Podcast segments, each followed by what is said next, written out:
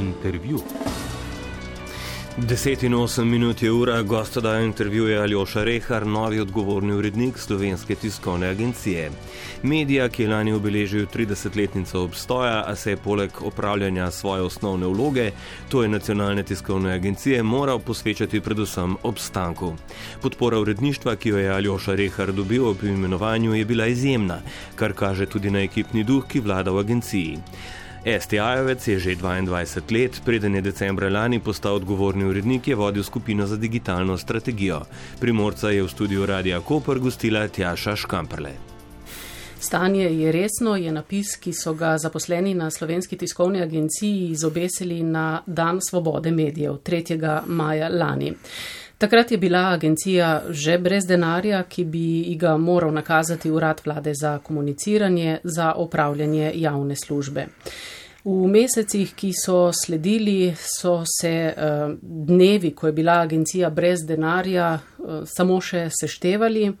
Do 312 smo prišli, ko je bila naposled le sklenjena pogodba med uradom vlade za komuniciranje in uh, STA za lansko leto. Vmes pa javnost je denar za STA zbirala z donacijami, z SMS-i. Na STA pa so se zgodili, sta se zgodili dve menjavi. Dolgoletni direktor Bojan Veselinovič je odstopil, nasledil ga je Igor Kadunc. Nekoliko mimo žarometov pa se je zgodila še ena menjava. Odgovorni urednici Barbari Štrukel je, mislim, da tretji mandat potekal, novi odgovorni urednik je postal Aljoša Rehar in z njim se bomo danes eh, pogovarjali o sedanjosti in prihodnosti slovenske tiskovne agencije. Aljoša Rehar, dobrodošli pri nas. Pozdravljeni tudi v mojem imenu, eh, sem z veseljem eh, za mikrofonom. Napis na pročelju stavbe, kjer v prestolnici domuje STA, še vedno visi. Zakaj je to stanje še vedno resno? Drži, eh, se pravi, ta napisa na oknih naših prostorov še vedno stojita nekako smo se odločili, uh, da bo sta ostala do trenutka, ko bomo imeli dejansko razrešeno tudi finančno situacijo za tekoče leto, se pravi 2022. Uh, to še ni, to je še stvar pogajanj. Tako da um, iz izkušenj vemo, da dokler zadeva ni zares rešena, nima, ni dobro, prehitro uh, se veseliti zmage oziroma razrešitve situacije. Pa vas to, da zdaj sredi januarja te pogodbe med STA in UKOM še ni skrbi? Uh, Zaenkrat še ne, um, še posebej ne po lanski izkušnji, ko v bistvu se ta nepodpis pogodbe dolgo, dolgo um, uh, vlekel. Tokrat uh, to spremljamo dokaj zaenkrat še z uh, optimizmom, se pravi, oziroma z pričakovanjem, uh, da po, do podpisa pogodbe bo prišlo. Zdaj, ne glede na to, da smo v bistvu že v začetku januarja, um, ni še razlogov za, za rekel, neko paniko, uh, ampak ja, pogajanja oziroma pogovori uh, potekajo med vodstvi uh, STA-ja pa UKOM-a uh, in zaenkrat smo tako rekel, um, gledamo z pričakovanjem, da bo, do podpisa bo prišlo. Uh, vodenje uredništva ste prevzeli v času, ko še ni bilo jasno, ali in pod kakšnimi pogoji bo vlada financirala javno službo STA uh, v tekočem, torej lanskem letu in tudi v letošnjem, in v kakšni kondiciji STA stopa v to novo leto? Omenili ste ta kanček optimizma, ampak ne vem, kadrovsko, kako ste. Uh, lansko, lansko leto je bilo za STA mm, zelo, tako rekel, toplo hladno, oziroma zelo leto ekstremov po svoje. Po eni strani je bilo to leto, v katerem je STA uh, obeležila 30 let uh, svojega delovanja. Um, in po istočasno je bilo to tudi leto, v katerem smo res uh, doživeli proti vsem pričakovanjem, v bistvu um, tako izjemno uh, podporo tako strani naših novinarskih kolegov iz drugih medijskih hiš, uh, tako enotne podpore doslej nismo videli, ampak ne samo nasproti STA-ju, ampak tudi nasplošno znotraj novinarskega ceha. Um, hkrati pa tudi res nad vsemi pričakovanji veliko uh, podporo strani tako domače kot tuje javnosti, uh, posebej pri domači javnosti znotraj te kampanje že omenjene uh, za obstanek, ki dejansko je prispevala k temu, da je ta obstala. Um, tako da po eni strani imamo te, kako rekel, pozitivne uh, izkušnje, uh, hkrati pa po drugi strani z res uh, naporno uh, težavno leto za nami, um, ki je pač uh, bilo posledica tega primarno, tega um, nerešenega vprašanja financiranja um, strani države.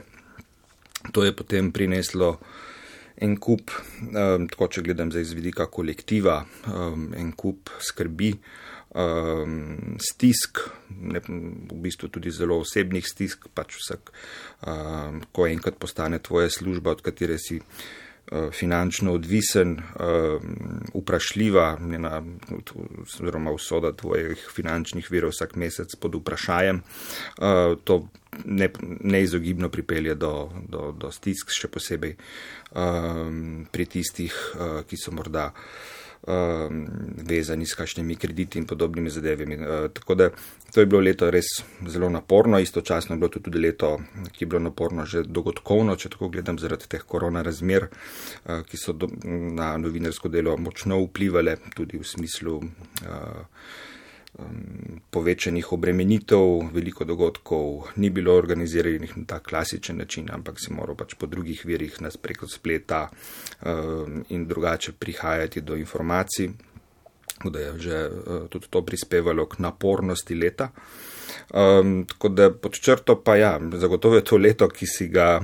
Uh, ne bi želeli še enkrat doživeti, tudi ga ne želimo, ga ne bi priželeli nikomur, nobenemu mediju, v končni fazi nobenemu kolektivu, pa naj bo to medij ali ne, nobenemu ga ne bi priželeli, no, da bi se kaj tašnega zgodilo. In cena za to skoraj enoletno izčrpavanje je bila prav za kolektiv res visoka. Zapustilo vas je ne? kar nekaj uh, novinarjev, čeprav bi sprva mislili, da v tem medijskem svetu ne najdeš eh, služb kar čez noč. Nekateri so šli izven medijev. Počrto, koliko vas je Mislim, tako, zdaj, če gledamo celoten kolektiv, pa ne zdaj samo novinarski, ampak eh, če rečemo celotno organizacijo STA-ja, govorimo v bistvu okrog 15 eh, ljudi v različnih statusnih oblikah, eh, ki so zapustili naše vrste. To je grobo rečeno 15 odstotkov eh, naše delovne sile, kar je za eno leto velik, velik zalogaj oziroma velik udarec kolektivu. Um, istočasno um, je zaradi te naše situacije, v kateri smo bili zelo, take, v kateri je bila v bistvu usoda STA-ja pod vprašanjem, težko pridobivati sproti um, nove ljudi, ki bi nadomestili te, ki so odšli. Um, tako da kar, je, je bilo izziv, se pravi, to je dodatno povečalo um, obremenitev preostalih, ki smo ostali, ne, tako da pač naša produkcija praktično kljub vsem tem uh, odhodom ostala uh, skoraj da na isti, praktično na isti ravni. Uh, ampak ja, to je pač prispevalo potem tudi res veliki utrujenosti konec leta. Um, tako da ka, to je zagotovo, tako če človek pogleda nazaj, največja škoda uh, ki se nam je zgodila, veliko dobrih kolegov, odličnih kolegov in kolegic um, nas je zapustilo, kar je še posebej um, za tak kolektiv, kot smo pri nas, ne stajajo, ker smo res uh, dobro povezani, um, kar tako še dodatno bolelo. Čeprav sem rekla, da se bova predvsem usmirila v sedanjost in v prihodnost slovenske tiskovne agencije, bi se vseeno za trenutek še ustavila prav pri tem kolektivnem duhu. Um, kako ste ga doživljali lansko leto, ste že nekako opisali. Um, v nekem trenutku smo ostali mediji poročali, ne, kmalu ne bo več za plače. In verjetno ste se, mogoče novinari, tudi na terenu srečevali z vprašanji, kako pa je pri vas.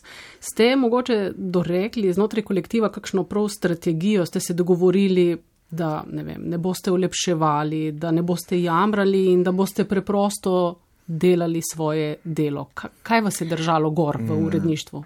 Osnovna, um, tako, celotna zgodba se je začela, se pravi, leta 2020, že jeseni, tako čisto bolj resni obliki. Uh, in že v osnovi se je uredništvo uh, takoj na začetku odločilo, ne glede na to, uh, kaj se bo dogajalo, je naša um, prva naloga in uh, naše osnovno vodilo to, da uh, poskrbimo za kakovost in profesionalno upravljeno uh, delo uh, in um, temu posledično našo produkcijo. Tako da to je bilo osnovno vodilo. Drugače pa tako, da, kot sem že omenil, na STA-ju smo zelo povezan kolektiv. Zelo pripaden, se pravi, STA-jevci smo zelo pripadni prvič STA-ju, drugič m, novinarstvu in znotraj tega um, agencijskemu novinarstvu, posebej veliko, ki nas dela na STA-ju, nas dela tukaj zaradi agencijskega novinarstva. Uh, in tretjič, kolektivu, kolegom. Uh, kot sem rekel, smo zelo povezani. Uh, v bistvu nas je ta izkušnja uh, v letu 2020 in 2021 še z tega vidika dodatno povezala. Eh, okrepila po svoje. Tako da v osnovi zdaj vemo, kaj vse se nam lahko zgodi in vemo, da to lahko celo preživimo. Tako da tudi z tega vidika morda v prihodnost gledamo malo bolj pogumno, optimistično. Oziroma pač vemo, karkoli nam bodo že časi prinesli, se bomo pač spopadli in potem bomo pač videli, kakšen bo rezultat. Vas je kolektiv nagovoril vas k prijavi? Dobili ste skoraj res plebiscitarno podporo? Um, ja, ko se je izkazalo, da Barbara, se pravi dosedanja odgovorna urednica, po treh mandatih nima več namena še naprej upravljati te vloge za katero uh, nimam nobene dileme, da če se bi odločila, bi zagotovo tako plebiscitarno uh, podporo tudi dobila. Uh, takrat je pač potem znotraj kolektiva pač prišlo do reku, razmisleka, uh, pač odločil sem se uh, in bil zelo vesel. No. Mislim, da ta podpora. Uh, ki se je na glasovanju uredništva izkazala, mi je, kom rekel, zagotovo bila ključnega pomena tudi pri dokončni odločitvi, no? da, se, da sem se prav odločil oziroma da, da imam um, pogum pa um, voljo opravljati to nalogo. Ko se je lani začela kampanja Društva novinarjev zbiranje donacij za obstanek te infrastrukture slovenskega medijskega prostora, kot jo je opisal Ali Žerdin, Sama nisem dvomila, da bo večina ceha uh, stopila skupaj. Novinarska javnost seveda ve, kaj dela STA, smo vaši naročniki, uporabniki, ampak osebno sem bila bolj skeptična, ali to vedo ljudje, ki niso sooblikovalci družbenega, političnega življenja. Vas je uh, presenetil tudi odziv te javnosti? Uh, zagotovo nas je presenetil, ker to drži, ne? se pravi STA kot medij. Uh, je zagotovo med manj znanimi doslej bila v preteklosti, pač eh, že zaradi narave svojega poslanstva, svoje, svojega delovanja, uh, ni tako znana. Pogosto so nas recimo že po kraticah zamenjevali študentsko turistično agencijo in podobnimi zadevami, tako da um, ja, nismo bili znani, zagotovo je ta um, epizoda, ta agonija ali pa to, to obdobje dveh let to spremenilo, v smislu, da zdaj pač če ne drugega ljudje vejo, da obstajamo, ko govorimo o splošni javnosti. Drugo je pa potem samo zavedanje, kaj dejansko sta počne. Ne? Tukaj zagotovo pač naši uporabniki, ki ste primarno uh, naj, najbolj intenzivni uporabniki naših Um, produktov oziroma storitev ste pač novinari mediji. In pri vas je to poznavanje najbolj globoko, medtem ko pri splošni javnosti pa pogosto so take delne slike, no, oziroma slike, ki niso čisto točne, tako da imamo veliko krat, no, rekel, veliko krat se znajdemo v situaciji, ko v bistvu moramo razlagati, kaj dejansko počnemo. Tako. In kaj počne ja, agencija? Ja. Uh, če gledamo tako, če sem čisto poskušam biti iz tako zelo um, oddaljenega, krovnega pogleda. V osnovi tiskovne agencije so v bistvu v medijskem svetu že od nekdaj delujejo, poznajo jih praktično vse države, poznamo Znotraj tega so seveda tiskovne agencije zelo različne. Ne poznamo svetovne tiskovne agencije, kot je recimo ameriški AP, pa Reuters, pa francoski AFP in podobno. Potem imamo agencije, ki so morda srednjega ranga. Eh, ki pokriva recimo kakšno večje jezikovno področje, recimo Španci, Nemci in podobno. Eh, potem imamo pa, to je pa največ takih tiskovnih agencij, imamo pa v bistvu nacionalne tiskovne agencije oziroma tiskovne agencije, ki delujejo znotraj svojega domačega trga oziroma države eh, in STA je pač tudi ena od teh.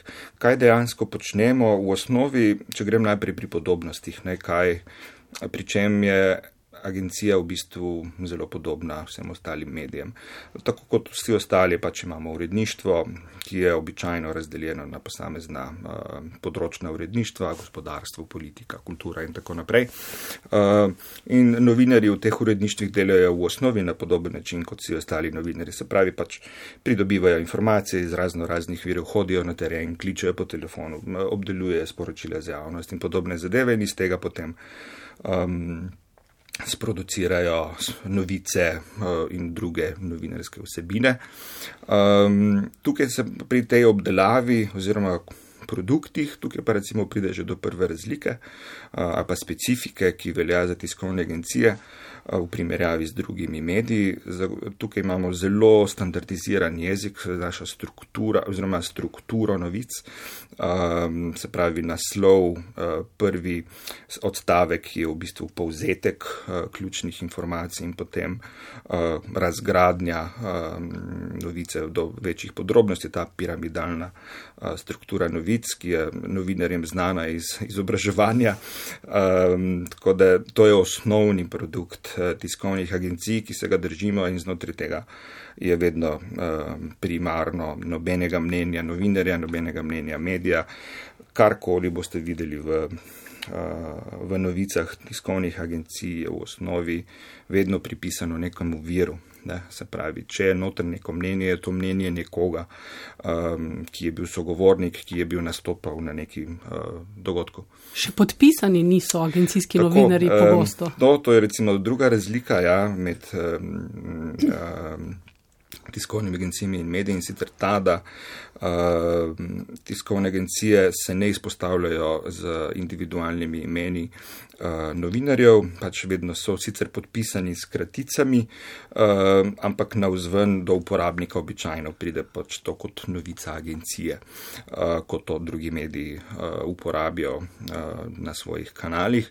Uh, tako da ja, um, ampak tisti novinari, ki delajo na agencijah, um, se tega zavedajo že na začetku in to ustreza v osnovi. In to so ja. neke posebne sorte novinari, ne? ste agencijski novinari. Ja, ja no, po, eh, po, zagotovo. No, morda bi bil še boljši pogled na to, kakšne posebne sorte novinari smo iz uh, ust kakšnih naših kolegov in agencijskih. Um, ja, zagotovo veliko krat slišiš, ja, da se neredko zgodi, da na kakšnem dogodku je pa samo agencijski novinar. Uh, tako da to je recimo ena od specifičnih specifik spet uh, agencijskega novinarstva oziroma tiskovnih agencij, uh, ta ekstenzivnost. Ne, se pravi, mi uh, zaradi te naše vloge, um, se pravi posredovalca vsebin, uh, ne samo javnosti na splošno, ampak tudi našim medijem kot glavnim partnerjem, pač poskušamo uh, medijem uh, priskrbeti čim širši nabor informacij, novinarsko obdelanih, zato da so čim hitreje tudi za nje potem uh, uporabne. In to pomeni tudi določeno določeno usmerjenost v to široko pokrivanje čim večjega števila dogodkov oziroma aktualnega dogajanja nasploh.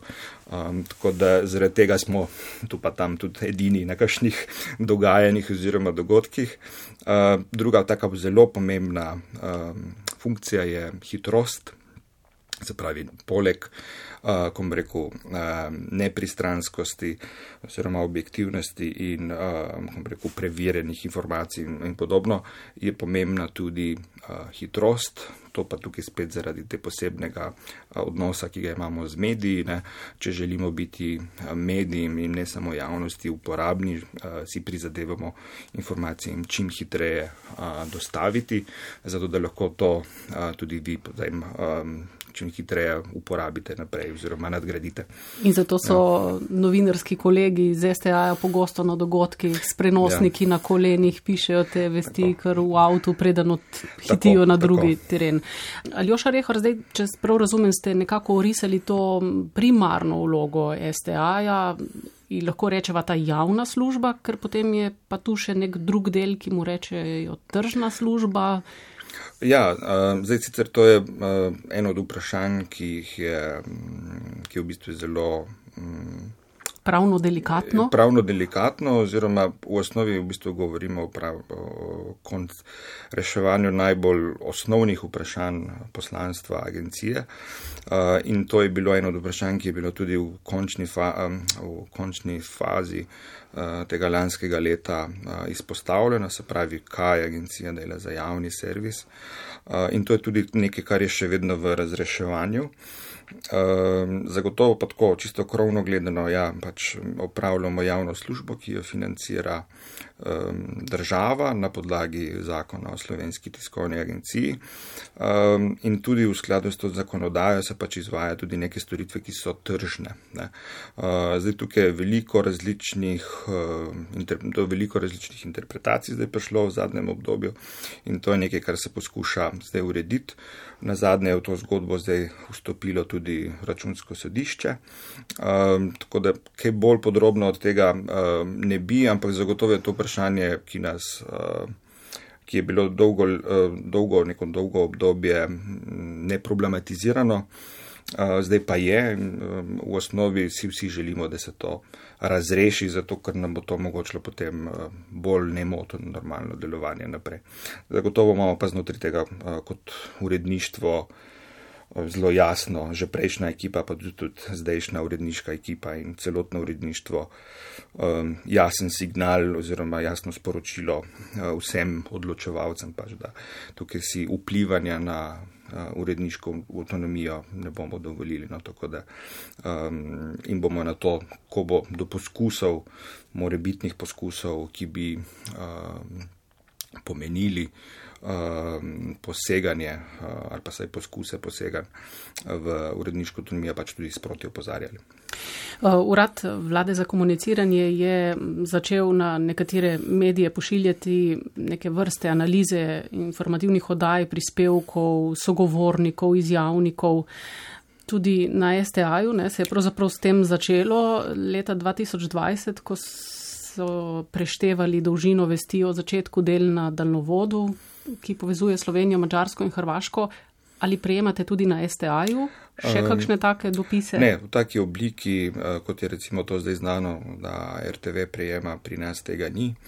Um, trenutno smo, tako kot sem prej omenil, pač v fazi, uh, ko se poskuša definirati, kaj je javna služba na podlagi tudi te nove uredbe, ki je bila lani sprejeta. Uh, Uh, in je sicer tudi problematizirana ta uredba na sodišču, ampak pač uh, velja trenutno in znotraj tega se poskuša zdaj definirati med vodstvi, kdo kaj razume kot javno, katere prvine se razumejo kot javno službo. In tukaj znotraj tega, tako kot sem že prej omenil, um, če in ko bi prišlo do, um, do nekih interpretacij oziroma uh, potez, ki bi jih v uredništvu razumeli kot. Uh, poskuse poseganja ali pa, ali pa ne morda niti samo kot poskuse, ampak kot poteze, ki bi pač po naših oceni uh, nesprejemljivo spreminjale našo uredniško delo oziroma delo uredništva, bomo pač na to sproti upozarjali. Tukaj imamo pri novem direktorju obljubo, dokaj jasno izraženo javno in tudi interno, da bo stal vedno na naši strani in pač um, to pozdravljamo kot kolektiv in tudi upamo, da, da, da bo situacija oziroma razvoj dogodkov takšen, da um, sploh ne bi bilo potrebe uh, potem. Uh, ampak, če bo pač pa do tega prišlo, smo pa pač kot kolektiv dokaj jasno že dali vedeti, da bomo na to opozarjali, uh, na, tak, na posege, ki bomo ocenjevali kot posege ali pa poskuse posegov v uredniško avtonomijo. Aljoša Rehar, na slovenski tiskovni agenciji ste od leta 2000, sprva ste tam začeli opravljati prakso kot študent novinarstva, potem ste se zaposlili, postali ste urednik, do prevzema funkcije odgovornega urednika ste vodili skupino za digitalno strategijo nekako naravno ste zakorakali po tej karjerni lestvici, ampak vmes se je v tej medijski krajini zgodilo res veliko sprememb, tehnoloških, lasniških, vsebinskih. Na katero spremembo najprej vi pomislite v tega skoraj četrt stoletja, ne, odkar ste se na fakulteti učili novinarstva in do danes, ko ga živite? Uh, tako iz prve, tako na prvo žogo, uh, zagotovo pomislim na tehnološki razvoj, ki se je zgodil, uh, ki je kar pomembno vplival uh, na novinarsko panogo. Uh, na, in s tem deloma povezano, uh, hkrati pa ločeno zgodbo, uh, se pravi, količine informacij. Uh, to zagotovo. Uh, je velika sprememba se zgodila na tem področju. Ehm, če smo nekoč mm, imeli so bili seveda vedno viri informacij takšni, drugačni, uradni, neuradni, um, oziroma neformalni, uh, ampak uh, količina teh virov oziroma kanalov, preko katerih se te informacije širijo, je pač res e, enormno porasla. In to predstavlja izziv, ne, ne samo za novinarja, ampak tudi za urednike oziroma medije kot take, um, ker obladovanje vseh teh količin informacije pač uh, s praktično enakimi ekipami, enako velikimi uh, ekipami ali pa celo v marsikaterem primeru žal skrčenimi ekipami, uh, vedno večji izziv. Um, to je tudi pri tiskovnih agencijah tako. Um, in znotraj tega se je morda pojavil tudi en močno razširjen trend, ki sicer že dolgo prisoten v medijih, se pravi problem um, dezinformacij. Ne, se pravi, uh, s to razširitvijo nabora uh, kanalov in njih enostavnosti ali pa njihove dostopnosti uh, in uh, velikega dosega uh, v, v, v javnosti, uh, je problem dezinformacij postal toliko bolj pereč. Um, tako da širjenja v osnovi eh, tukaj dezinformacije, to niso samo lažne informacije, ki so v celoti izmišljene, to so v bistvu samo, kako rekel, neki ekstremni primeri, ki služijo bolj nekemu banalnemu prikazovanju, kaj se je mogoče. Večji problem in bolj vsakodnevni problem so širjenje um, informacij, ki so namenoma pristranske ali pa namenoma nekatere dele informacij um, iz, um, zanemarijo oziroma jih um, skrijejo. Da, uh, in zaznavati to in obdelovati to na način, da um, poskuša zagotoviti, da nisi potem tudi ti žrtev teh dezinformacij v smislu, da jih uh, tudi ti mm, nevedoč širiš naprej to bo, to je in to bo uh, vedno večji izziv. Ne.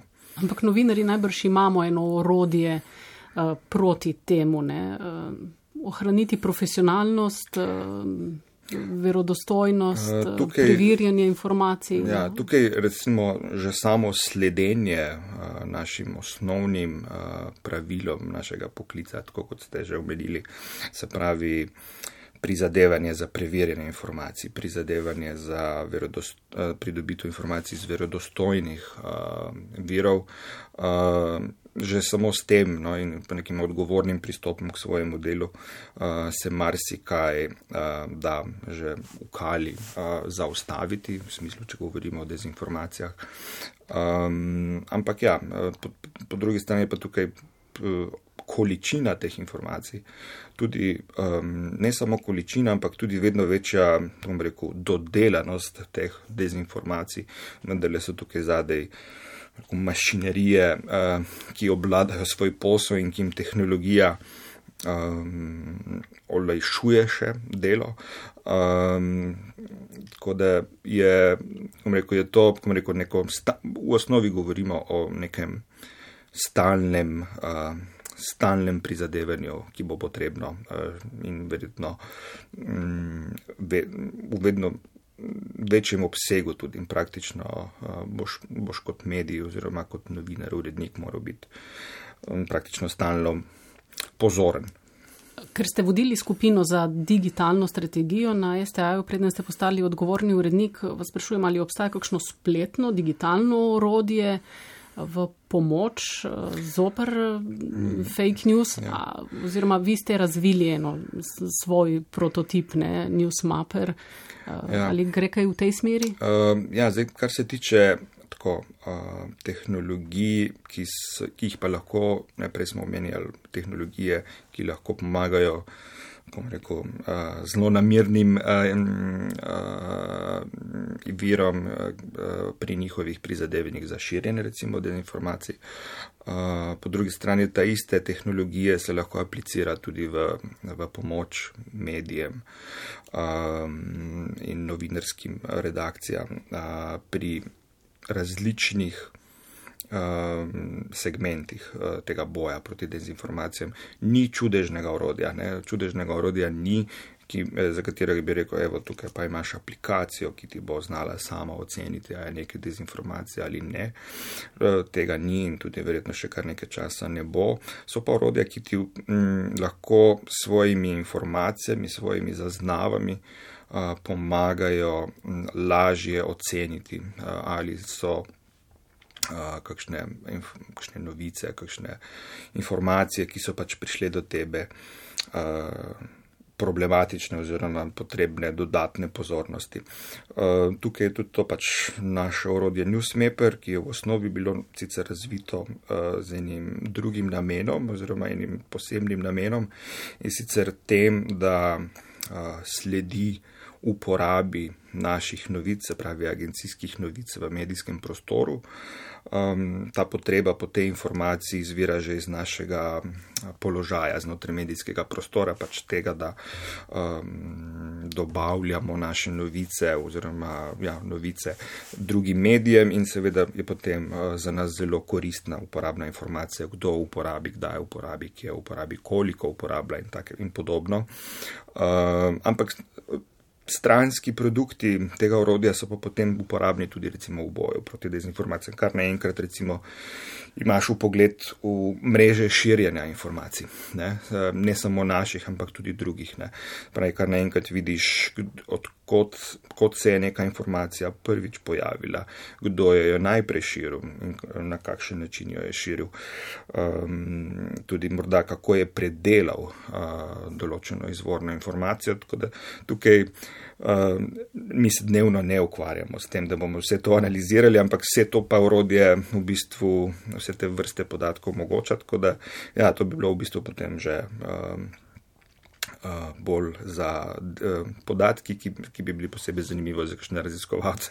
Ampak uh, ja, zelo jasno se vidi mreže, recimo, zelo jasno se vidi mreže, neke povezane mreže medijev. In za razvoj te aplikacije ste bili nagrajeni, ne, strani Evropske unije? Ta aplikacija je v osnovi nastala znotraj enega evropskega projekta, sofinanciranega v okviru tega raziskovalnega programa Obzorje 2020. Um, in znotraj tega projekta je bila razvit kot prototip, in ta prototip je potem po koncu projekta bil zaznan strani Evropske komisije kot primer odlične inovacije. Uh, ampak samo orodje je potem bilo dodatno razvito uh, znotraj uh, razpisa za inovacije v medijih, ki ga je v preteklih letih imel Google. Uh, STA se pač s tem prototipom prijavila na ta razpis uh, in s pomočjo tistih sredstev to orodje razvila do še malo bolj nadgrajene oblike, uh, bolj, rekel, operativno uporabne. Um, In zdaj je to tudi hkrati tudi že postal produkt, um, ki se uh, prodaja na mednarodnem trgu. Tako. Um, ko govorimo o spremembah ne, v medijih, v slovenski tiskovni agenciji, ta eh, že nekaj časa ni samo tiskovna, ne, kot uh, ime pove, ampak imate tudi radijske novice, STA v živo, vidimo ne, v živo prenose, kaj vse se je spremenilo in predvsem kaj se še bo, kakšne ja. spremembe. Ja. Uh, če za začetek samo na hitro orišem, ja, se pravi tiskovna agencija, tako kot smo na začetku omenili, je v marsičem podobna drugim medijem, uh, recimo tudi pri produktih. Uh, morda je samo namen naših, uh, pa poslovni model naših produktov drugačen kot pri drugih medijih, ampak v osnovi, kaj vse producira STA, naš osnovni, osnovni produkt uh, so novice v slovenskem jeziku. Uh, Zraven tega je nekaj, kar je imanentno mm, večini tiskovnih agencij, so tudi novice v tujem jeziku. Praktično vse tiskovne agencije imajo poleg svojega matičnega jezika tudi um, novice v angliškem jeziku, če niso ravno iz angliškega govorečega prostora. Um, Mar se katera ima tudi še kakšen dodaten jezik, se pravi, ampak osnova je pač ta največji, tako da tudi STA ima ta tako imenovani angliški servis, ki dne dnevno pač sproducira vse eh, novice v angliškem jeziku o dogajanju v zvezi z Slovenijo. In to je unikant, po svoje unikaten uh, servis v slovenskem prostoru. Uh, potem pa imamo, ja, tako kot ste že omenili, tudi en, eno, en širok nabor drugih uh, produktov, ki so nastajali v skladu s potrebami um, trga, tehnološkim razvojem in tako naprej. Um, eden prvih, ki se je pridružil, uh, je bil fotoservis, se pravi fotoagencija. Uh, to je tudi nekaj takšnega, kar je um, zelo klasična produkcija uh, vsake tiskovne agencije. Potem imamo radijski servis, ki v osnovi pomeni novice prilagojene v tekstovni obliki, da so lahko neposredno uporabne za radijske postaje, praktično da jih lahko voditelj odaje prebere. Uh, in to spremlja potem tudi uh, tonski servis, se pravi tudi audio posnetki izjav in podobno. V zadnjih letih je pa potem ja, tudi video začel rasti. V našem primeru smo v video vstopili uh, s prenosi v živo, bolj resno. Pred, mislim, približno štirimi leti. Uh, video, ta prenosi v živo so zanimivi, spletni prenosi v živo, ne, so v bistvu zanimiv primer tehnologije, uh, ki vpliva dokaj konkretno na, na delo uh, redakcij. Ne. Če se prej se v bistvu tvoje edine oči na dogodku je pač bil novinar, ki si ga poslal na dogodek, zdaj kar naenkrat uh, ni samo on na tistem dogodku, ampak je morda tudi njegova redakcija uh, na tem dogodku in to bistveno recimo prispeva k hitrosti v končni fazi tudi uh, k, k samim nalogam novinarjem na terenu, ne? kar naenkrat ni nujno, da je on tisti, ki mora sproducirati uh, vse tekste čim prej, ampak lahko to v bistvu ta čas, ko on posluša, sprašuje, uh, redakcija že piše recimo vmes. Um, novico uh, osnovno.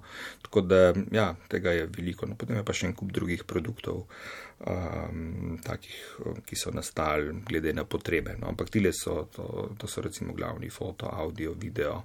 Morda najbolj tak specifičen uh, uh, in javnosti v bistvu neznan, uh, medijem pa ja, uh, je pa naš produkt uh, napovednika. Uh, se pravi, tiskovne agencije, tako že tradicionalno opravljajo to nalogo priprave pregleda dogodkov, ki se bodo zgodili v smislu sklicanih novinarskih posvetov, kongresov, sej razno raznih doma in v tujini. In to pač pripravljamo sproti in v različnih oblikah, potem tudi to objavljamo oziroma dostavljamo medijem. In to je verjetno eden najbolj uporabljenih produktov uh, agencij, o katerih javnost niti ne ve, medtem ko novinari pa se tega zelo dobro zavedajo. Seveda, ker nekako začrtajo dan oziroma teden, ne, kaj, kaj bi lahko počeli.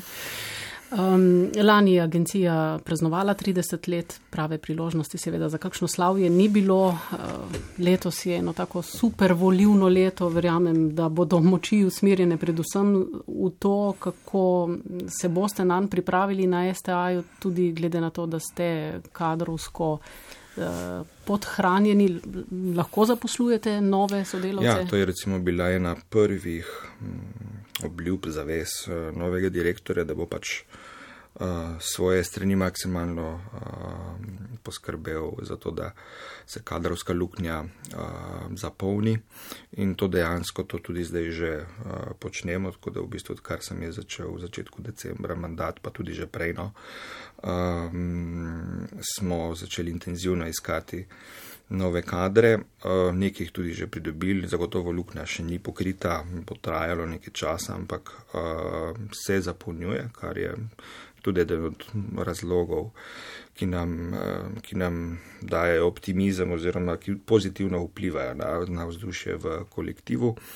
Um, Tako da, ja, to lukno, ja, eno je, tukaj treba sicer podariti, pač vse človeka uh, dobiš, ampak seveda potem v vsakem primeru tudi traja uh, usposabljanje, nekaj časa traja samo usposabljanje, tako da dejansko govorimo v bistvu o zelo optimističnem scenariju, da v bistvu to lukno bo tudi pol leta zagotovo trajalo, ne, če bomo uspešni sploh naprej pri uh, pridobitvi dovolj uh, velikega števila ljudi uh, in hkrati potem tudi v njihovem usposabljanju, uh, ker vendarle agencijsko novinarstvo ima svoje specifike in je treba uh, se na to privaditi. Uh, tako da, ja, kadrovsko nismo še tam, kjer bi si želeli biti, ampak delamo na tem in počasi se izboljšuje. To, bom rekel, problematika te luknje, ki je nastala. Znotraj tega nikoli nismo bili v situaciji, ko bi morali tako veliko luknjo naenkrat zapolniti, ampak tako da nam to tudi daje zdaj en tak, morda tak malo bolj globok pogled v tem, kaj se dogaja na medijskem trgu. Ne? In uh, žal, žal, eden od trendov, ki jih zaznavamo, je, da veliko novinarjev um, zapušča, mislim, ali pa več kot nekoč. Um, Uh, zapušča novinarstvo in grejo pač v druge uh, panoge. Sej, to je sicer ja, posledica enih trendov oziroma uh, razvoja dogodkov, ki, ki imajo že dolgo brado. Ampak pač uh, trenutno so kulminirale, uh, tudi na račun morda v končni fazi tudi koronskih razmer, ampak deloma. No? Ampak v osnovi govorimo o tem, da pač medijska panoga ni več tako privlačna za mlade, kot je bila nekoč tudi zaradi finančne situacije. Ne? Nekoč so bili mediji v bistveno boljši finančni kondiciji, kot so danes v povprečju. Uh, in to seveda vpliva tudi na, na odločanje uh, tako mladih, kot tudi obstoječih uh, kadrov, uh, ali in kako bodo šli v medije. Tukaj recimo en, en tak. Um, um, trend, ki, negat, ki prispeva k temu, da se, uh, da se ljudje zapuščajo odhajajo iz medijev, je tudi ta um, dokaj okrepljen, um, okrepljeni poskusi um, diskreditacij, še posebej profesionalnih medijev. Uh, vzgibi za tem so zelo takim, rekel, zelo. Uh, dokaj jasni. V osnovi uh, s tem, ko dosežeš, da uh, so mediji diskreditirani oziroma da je njihova verodostojnost načeta v očeh recimo, da širše javnosti, s tem pač uh, lažje širiš dezinformacije, recimo, lažje, lažje dosežeš, da s svojimi mrežami um, širiš informacije v kroge, v katere želiš, uh, z, manj, uh, z manj ovirami. Uh, tako da to. In vse to prispeva k temu, da pač uh, se marsikdo vpraša, uh, ali bo še ustrajal ali ne. Po drugi strani pa tisti, ki ustanejo, so pa zagotovo um, rekel, borci uh, in res predani svojemu poklicu. To zagotovo velja za ja. ekipo ja. Slovenske tiskovne agencije, pred katero ne samo pred njo, no, je tako super naporno volivno leto. Uh, Aljoša Rehar je bil gost uh, na naših valovih, zdaj se boste usedli v avto in iz Kopra odpeljali proti Ljubljani in v avtu poslušali zagotovo programe nacionalnega radia in me zanima, ko slišite novico na, na radiju, ali takoj prepoznate, a ta je naša, ta je po STA-ju tu pa tam, uh, tu pa tam ni vedno, uh, vendarle uh, vsak medij potem na svoj način predstavi, uporabi. Ampak ja, ko jo uporabi v zelo izvirni obliki in nepredelani, potem dokaj hitro prepoznaš ja, naš slog. Aljoša Rehar, najlepša hvala za obisk v našem studiu. Obstanite še naprej, pogumni in pokončni in vse dobro v tem letu. Tako, hvala tudi vam za povabilo, pa za priložnost. Intervju. Intervju.